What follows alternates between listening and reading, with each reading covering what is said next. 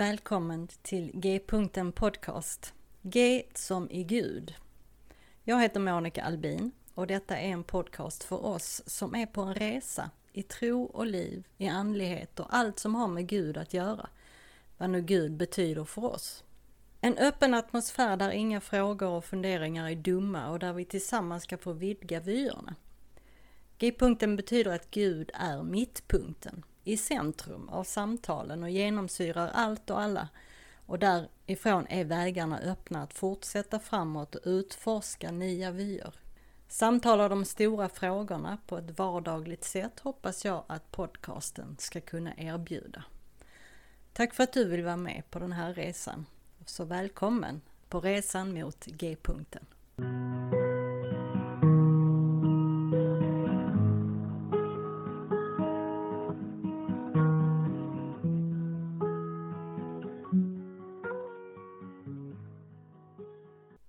Välkommen tillbaka till G-punkten Podcast. I det här avsnittet så har jag förmånen att få prata med Becka Stevens. Eh, Becca Becka Stevens är föreläsare, entreprenör, författare, präst, grundare av tio olika rättvisa initiativ och grundare och ledare av Thistle Farms. Vi får höra hennes egen berättelse om hur livet hela tiden skiftar mellan mörker och ljus och att i allt det här så är det kärleken ändå som helar. Eh, hennes arbete med Thistle Farms låter kvinnor som utsatt, utsatts för eh, övergrepp, hamnat i missbruk och så vidare kan finna en väg tillbaka i gemenskapen och kärleken bland andra kvinnor. Och med hjälp av naturens läkande tillgångar för de tillverkar allt från tvål och hudkrämer och ljus och så vidare. Så vi pratar också om hennes senaste bok som heter Practically Divine. Så utan att dröja längre så går vi in på samtalet med Becka. Varsågod. Welcome to Gay.en podcast, Becka Stevens. Thank you so much. I'm happy to be here. I'm so glad that we could make this work. Yeah, Um, now, I know who you are, but I'm not sure that all my listeners know who you are. So, would you just please briefly uh, introduce yourself, uh, your name, uh, who, what you do, maybe something about your family? Sure. My name is Becca Stevens, and I'm in Nashville, Tennessee. And I am the founder and president of a community called Thistle Farms, which works with women who are survivors of trafficking, addiction, sexual exploitation, all the things that you can imagine, including, you know, all the injustices from the violence and vulnerability of poverty. We've been around for about 25 years. We started with one house and we've grown to a huge bath and body manufacturing company in addition to the residential services. We have sister communities around the US and around the world.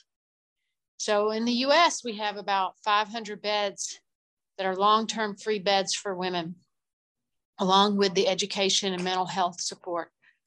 And around the world, we probably have 30 global partners working with women artisans and really helping lift women out of poverty and into safety along with mental health.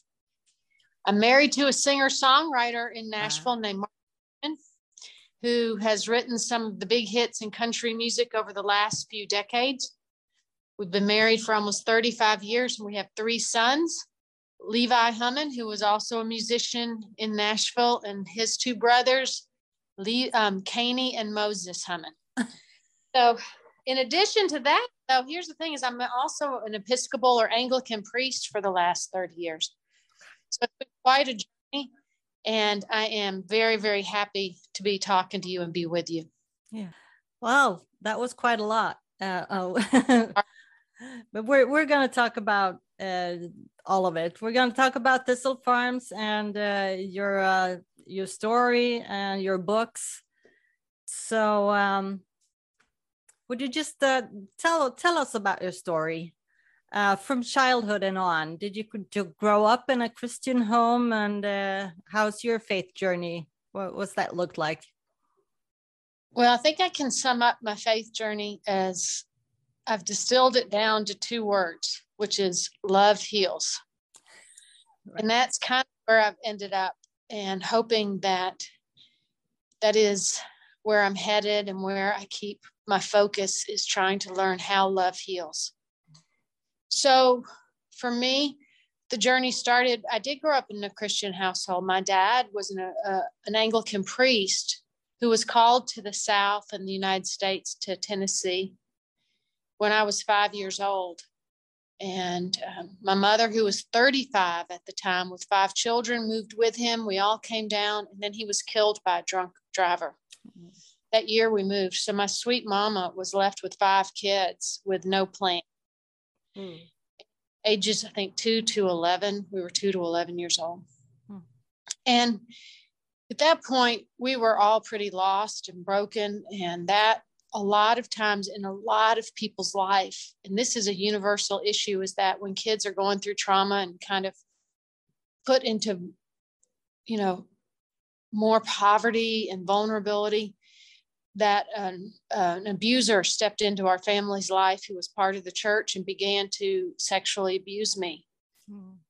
and um, that began at the church when i was six years old and it lasted until i was almost nine and I think that really, those years, those formative, formative years, um, were where my heart was really broken open for compassion for women, truly.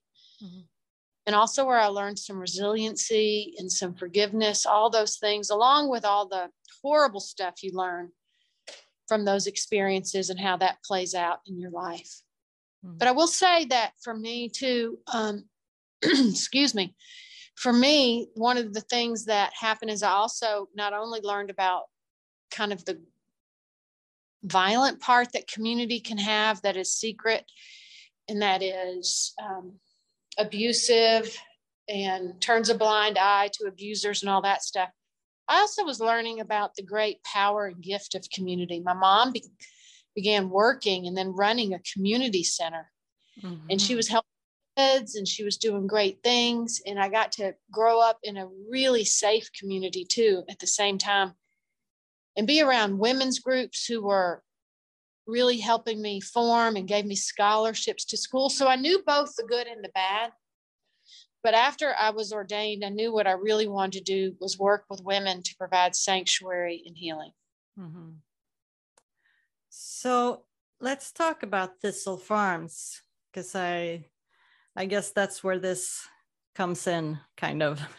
What what's the story there? Now tell me everything. Do you know thistles? Thistles, the plant. Do you know the oh, flower? Oh, the thistle. Yeah, yeah, yeah. Yeah. Yeah. So I think it's like it's thistles are a universal weed, if you will, yeah. or a flower from your perspective. But for me, when I started doing this work and meeting with women in jails and who were on the streets, thistles were the last flower that were growing. And I thought, wouldn't it be beautiful to create a community called Thistle Farms that mm-hmm. you're growing beautiful from this plant that's been discarded and hated throughout the world? And to remember how beautiful it is, like the purple center of it, and how Solomon in all of his glory is not arrayed like one of these. And so we just gathered women together and we started Thistle Farms. And it really has been a journey about love and believing in the power of love. That if we can come together and commit to love in practical and relevant ways, with what is before us, we can grow something beautiful. And that's been that's been my goal is to figure out how to do that. And so it started with just houses and like you need a bed, you need a place to sleep. And you know, it moved into this place of saying like, "Oh my gosh, the women are doing such beautiful work, but they're still dirt poor. Why can't we, you know, really provide jobs and income and that's one of the ways women stay so vulnerable to relationships and all kinds of stuff. So that's why we started making bath and body care products. And then it moved into advocacy and growing the movement. It just kept growing. If that's, yeah. you know, how yours, you're saying that like I'm starting this podcast and people will come who need to come and we'll see where it grows and how it grows. That's exactly what I was doing. Yeah. Yeah. Now you have, uh, you're like all over the world, as I understand. Yeah. Isn't that crazy? Yeah. it's wild. I mean, it's wild to me that it's just like piece by piece. I just watched a video this morning that a woman sent me from Kenya about her brand new work and what she was hoping for. And I thought, isn't it wild that in this world she would find her way to me? Mm-hmm. It's a great idea. She's a survivor herself. She's had the support of other people in the US, and that name gets passed on. But eventually, people who need to connect will connect if we keep on the path and on the mission. Mm-hmm. You know, that's what I keep trusting is that we will connect. Mm-hmm. Yeah so where did this uh, idea to to um, to make bath products and skin products and and all? Uh, I mean, you could you could have made anything. Uh, I mean, you could have made baskets or uh, well, I don't know, paintings I don't or know. whatever. I love healing oils. I love them. You know, and they're very grounded in scripture, like 425 passages on it. so I've always been fascinated by the idea that everything in creation is made for the healing of the world if we pay attention, you know, if we look and if we um, take the time and we remember our history, all of that. I mean, Moses going up to Mount Sinai got a recipe for healing oils. You know, that's what God gave him. And that's amazing to me that he knew that it was like cinnamon and olive oil is what we need for our bodies. Mm-hmm. So 100% of the women I work with have been raped, mm. and that is attack on the body. Mm. So it made sense to me to make something that was actually healing and luscious and lavish for our bodies. So we remember that they are sacred, that they are beautiful, that they are a gift. So it wasn't hard to think that's what we were going to make. It also turns out that it's, you know, has a long shelf life, mm-hmm. that there's good margins on the product. There's all kinds of practical and good reasons, which I learned later about that choice. Mm-hmm. But honestly, at the beginning, it's like if we can breathe in lavender, maybe we have a hope of peace. And if we can anoint our bodies with that, maybe we can remember our we can come back to our bodies and they can be safe. Oh, that's that's beautiful. Bring warms my heart. Have have you had any um, uh, resistance from certain folks? about no uh, no nothing oh my gosh well i don't think mine is or i think mine is both and like i love to use essential oils and i go to the dentist yeah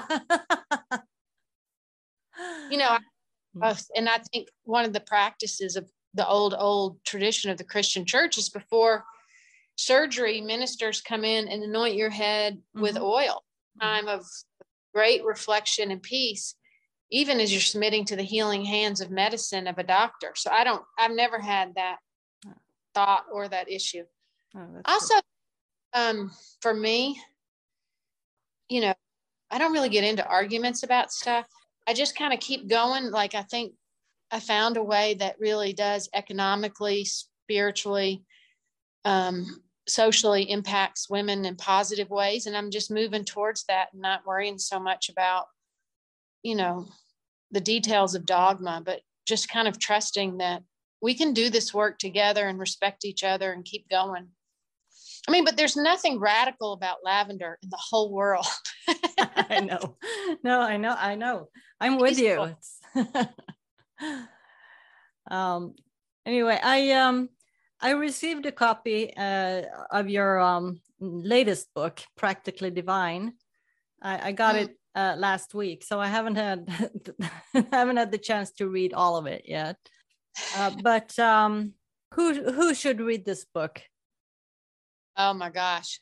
you know, my favorite book I've ever written. It's like for me, it kind of sums up 25 years of this work and hearing stories and finding truth in the craziest places and trying to glean all that stuff and put it into a book and I loved it because I got to write it during COVID, where I had more time than I've ever had before. All the travel, all the craziness slowed down, and I could get my thoughts together.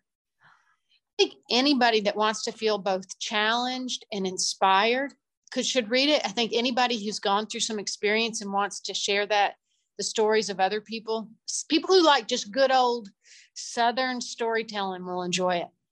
You know, it has themes that carry us through. It talks about how it is that we can have radically creative spirits within us and um, see the beauty all around us, even in the imperfections. I hope it's a blessing to people when they read it. I really do. And I hope that they finish reading it and feel more hopeful about tomorrow and inspired to act. Mm-hmm. Yeah. Did you start uh, writing it before COVID, or uh, did it like uh, were you inspired to write it uh, in the middle of COVID, or did you? No, I started um, in November 2019. Okay. So I started before COVID, okay. And it just happened that in the middle of the writing of it, about chapter three, COVID hit, and I spent three mornings writing and writing. That's one thing, and that's uh, that one good thing about COVID. Yeah, a lot of lot, lot of authors have um, uh, written new books during this time. Absolutely, and I think it was for even people, you know, for people whoops, who aren't for people who aren't writing there were gifts in it. I mean, there was plenty to grieve. And if people haven't grieved during COVID, honestly, they haven't been paying attention. No. But there were gifts in the middle of it. And the way that we processed time or food mm-hmm. or friendship, mm-hmm.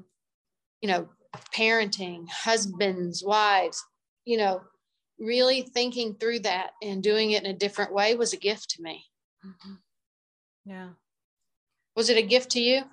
Did was COVID helpful to you in any way? Oh yes, it it, it was actually. I was in a pretty bad place when COVID hit, so uh, uh, it, it, gave me time to relax and and and to uh, to just find myself again.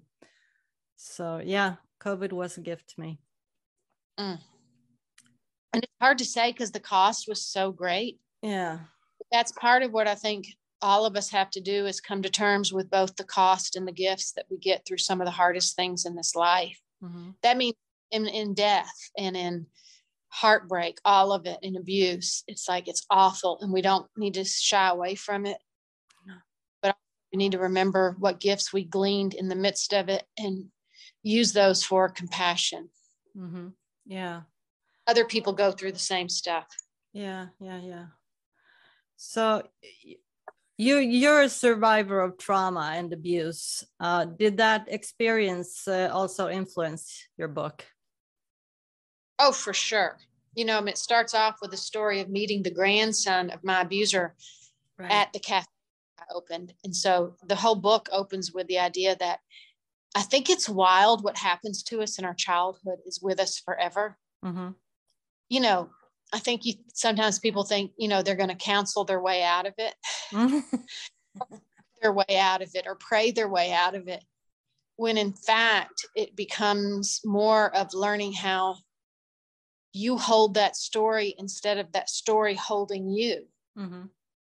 I hold that story and I can shape it and use it for love.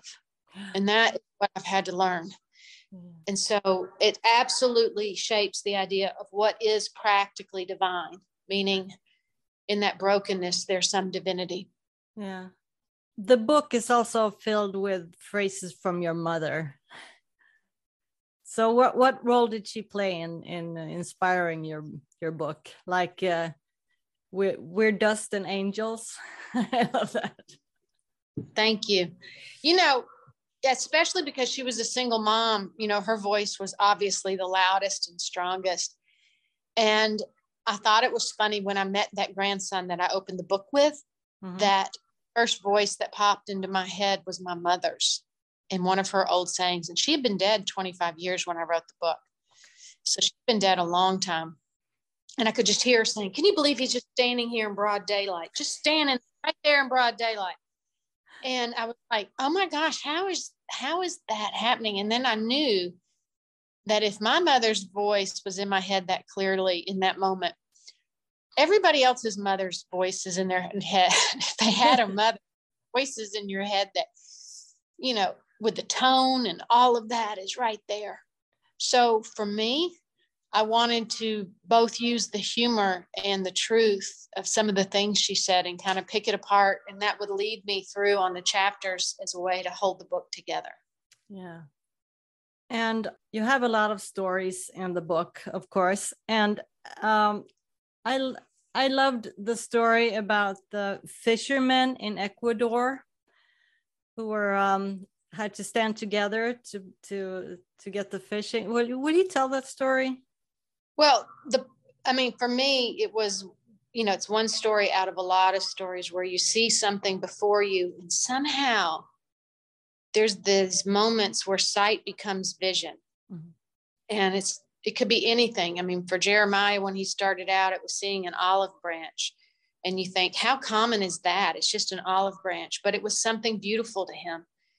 And I think for all people who are seekers, disciples, poets, pastors, whoever, you know, to look around us and see those moments where sight becomes vision and you take it in and it helps form you, that is a gift. That is a huge gift in our lives.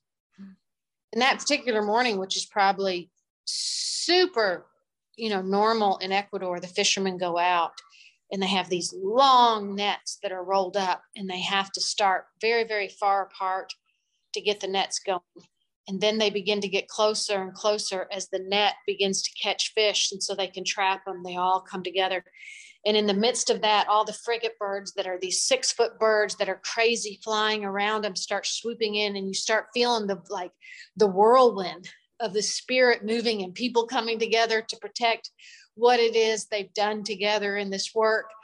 I mean, it was just joyful. It was kind of overwhelming, but it was a reminder for me about what epiphany looks like and what the spirit looks like when it's really moving. Yeah. Yeah, that was beautiful.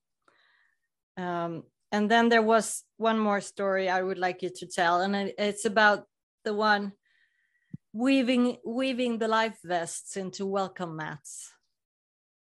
Absolutely. You know, that's been one of my favorite periods of the ministry that I've gotten to participate in was when we started reading the stories about the women coming from Syria who were escaping, you know, the horrific violence and when they were dropping chemical weapons on their children and the women and kids came over on the boats hoping to seek asylum in like Germany and Sweden like their husbands had months before because they left earlier. They were in you know more you know danger at the beginning of, of violence.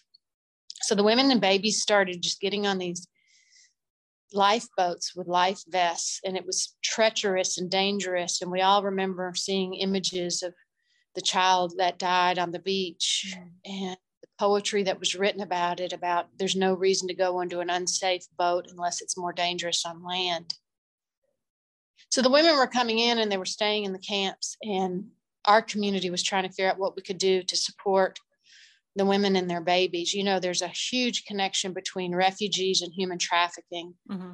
More than 12,000 girls are missing from refugee camps. They have no idea where they went, except that they were probably sold.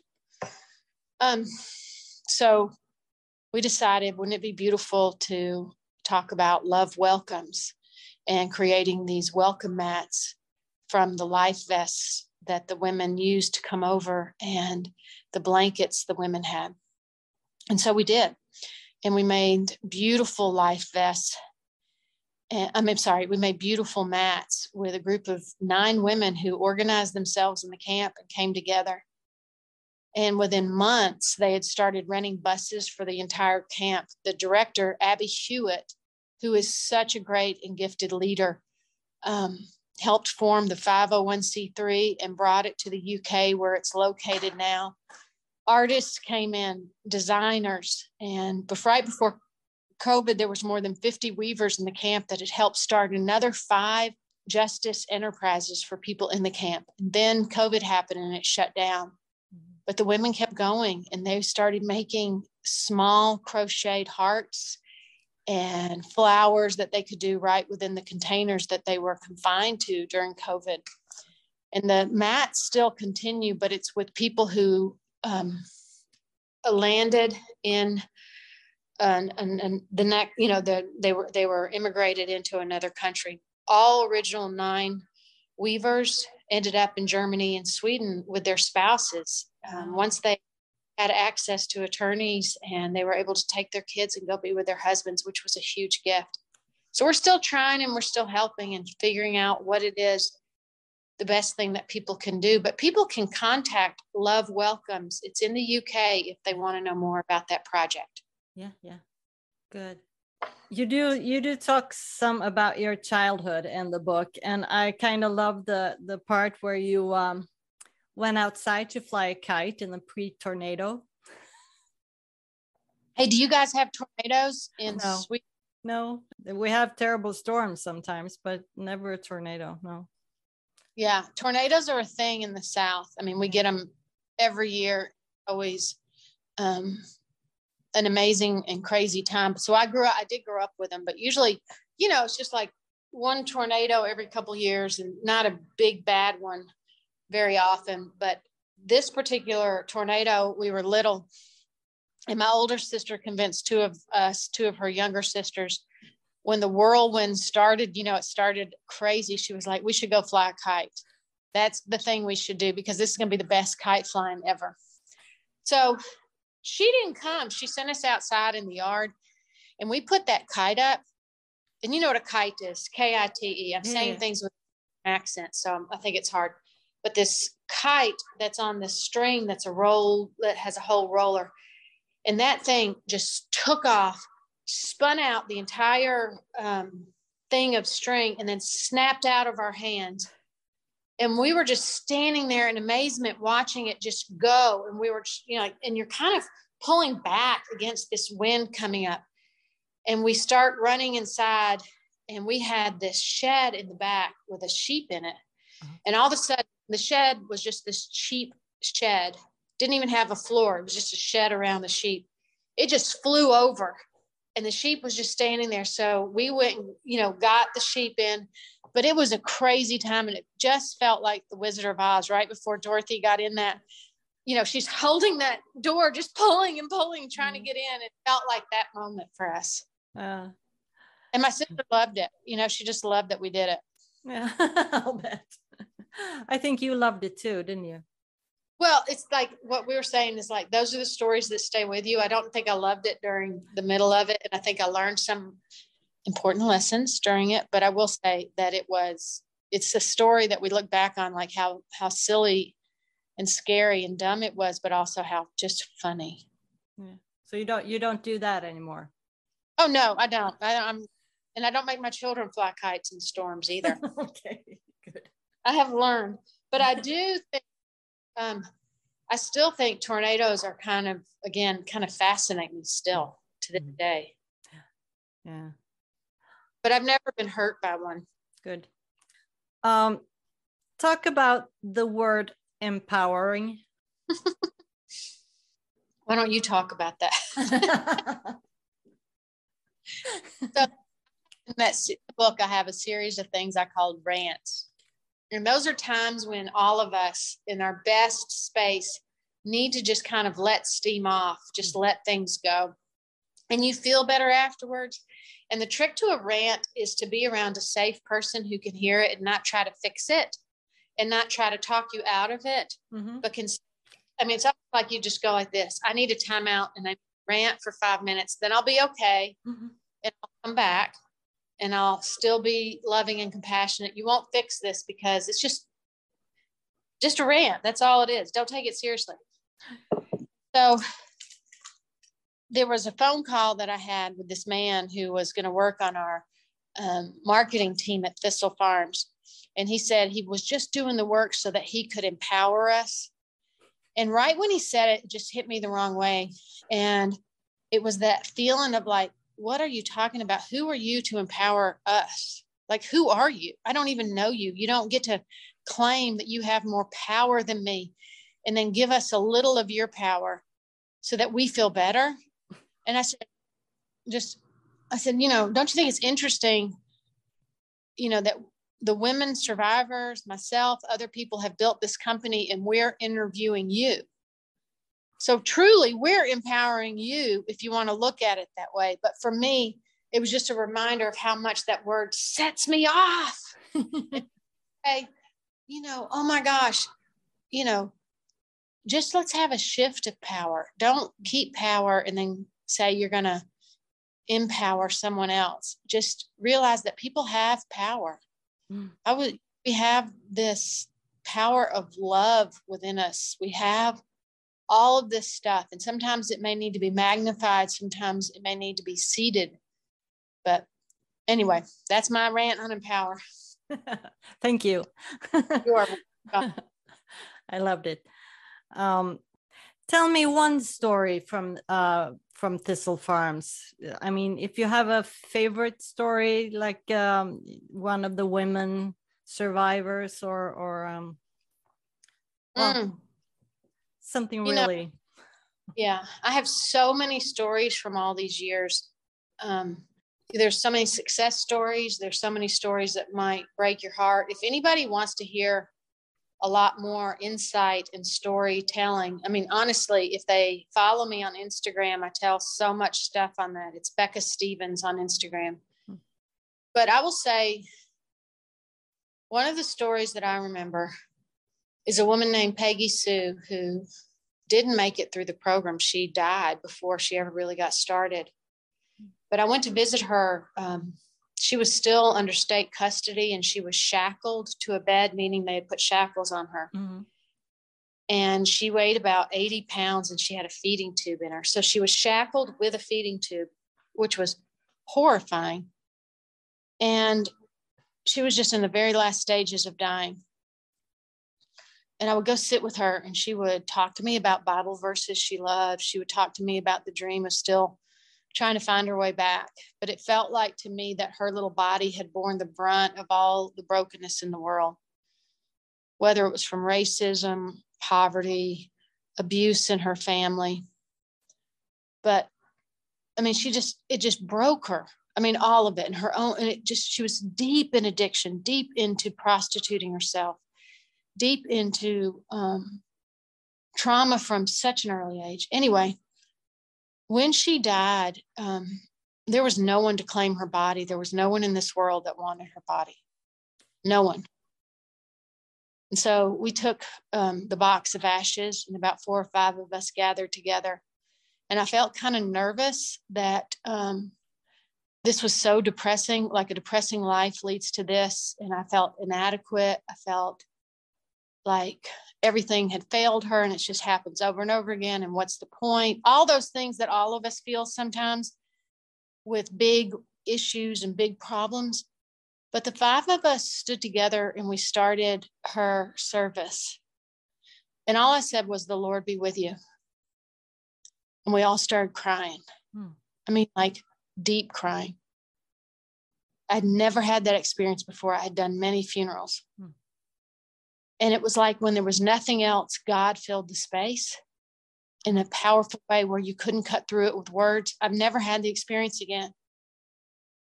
And it was so beautifully power filled with love that I thought, I will do this for the rest of my life. I will do this work for the rest of my life. I will do it gladly.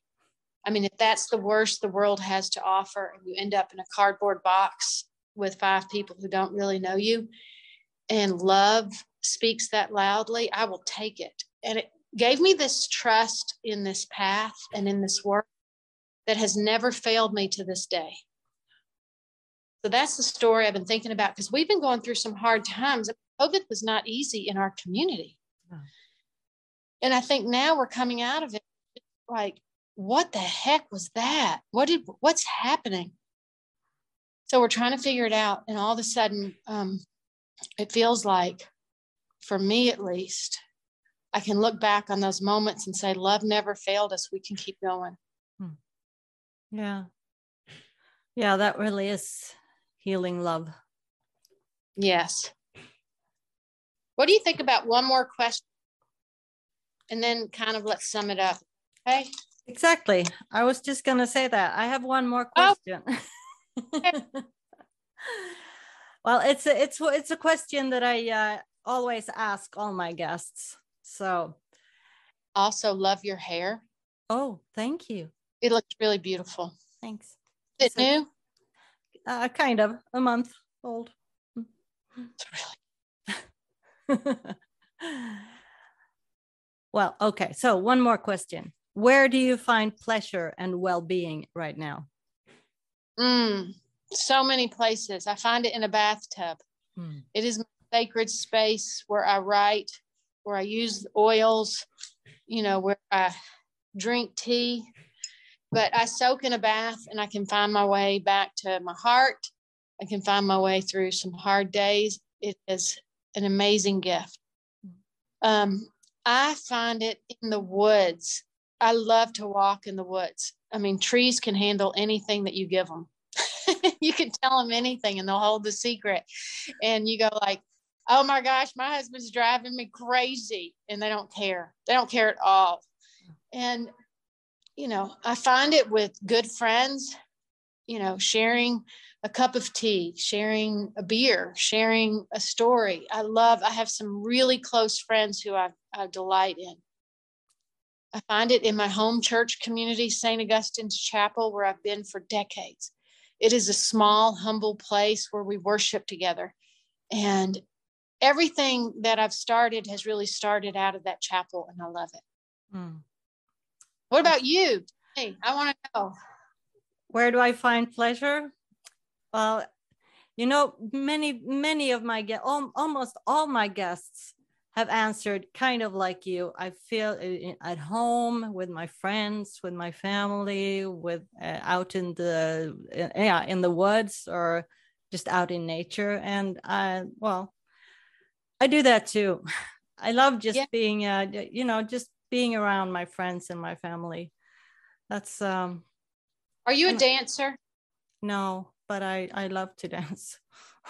You look like like from right here. You look like a dancer. Oh wow, thank you. but but no, no. I'm, unfortunately, my my one of my daughters um, is a is a or was a dancer.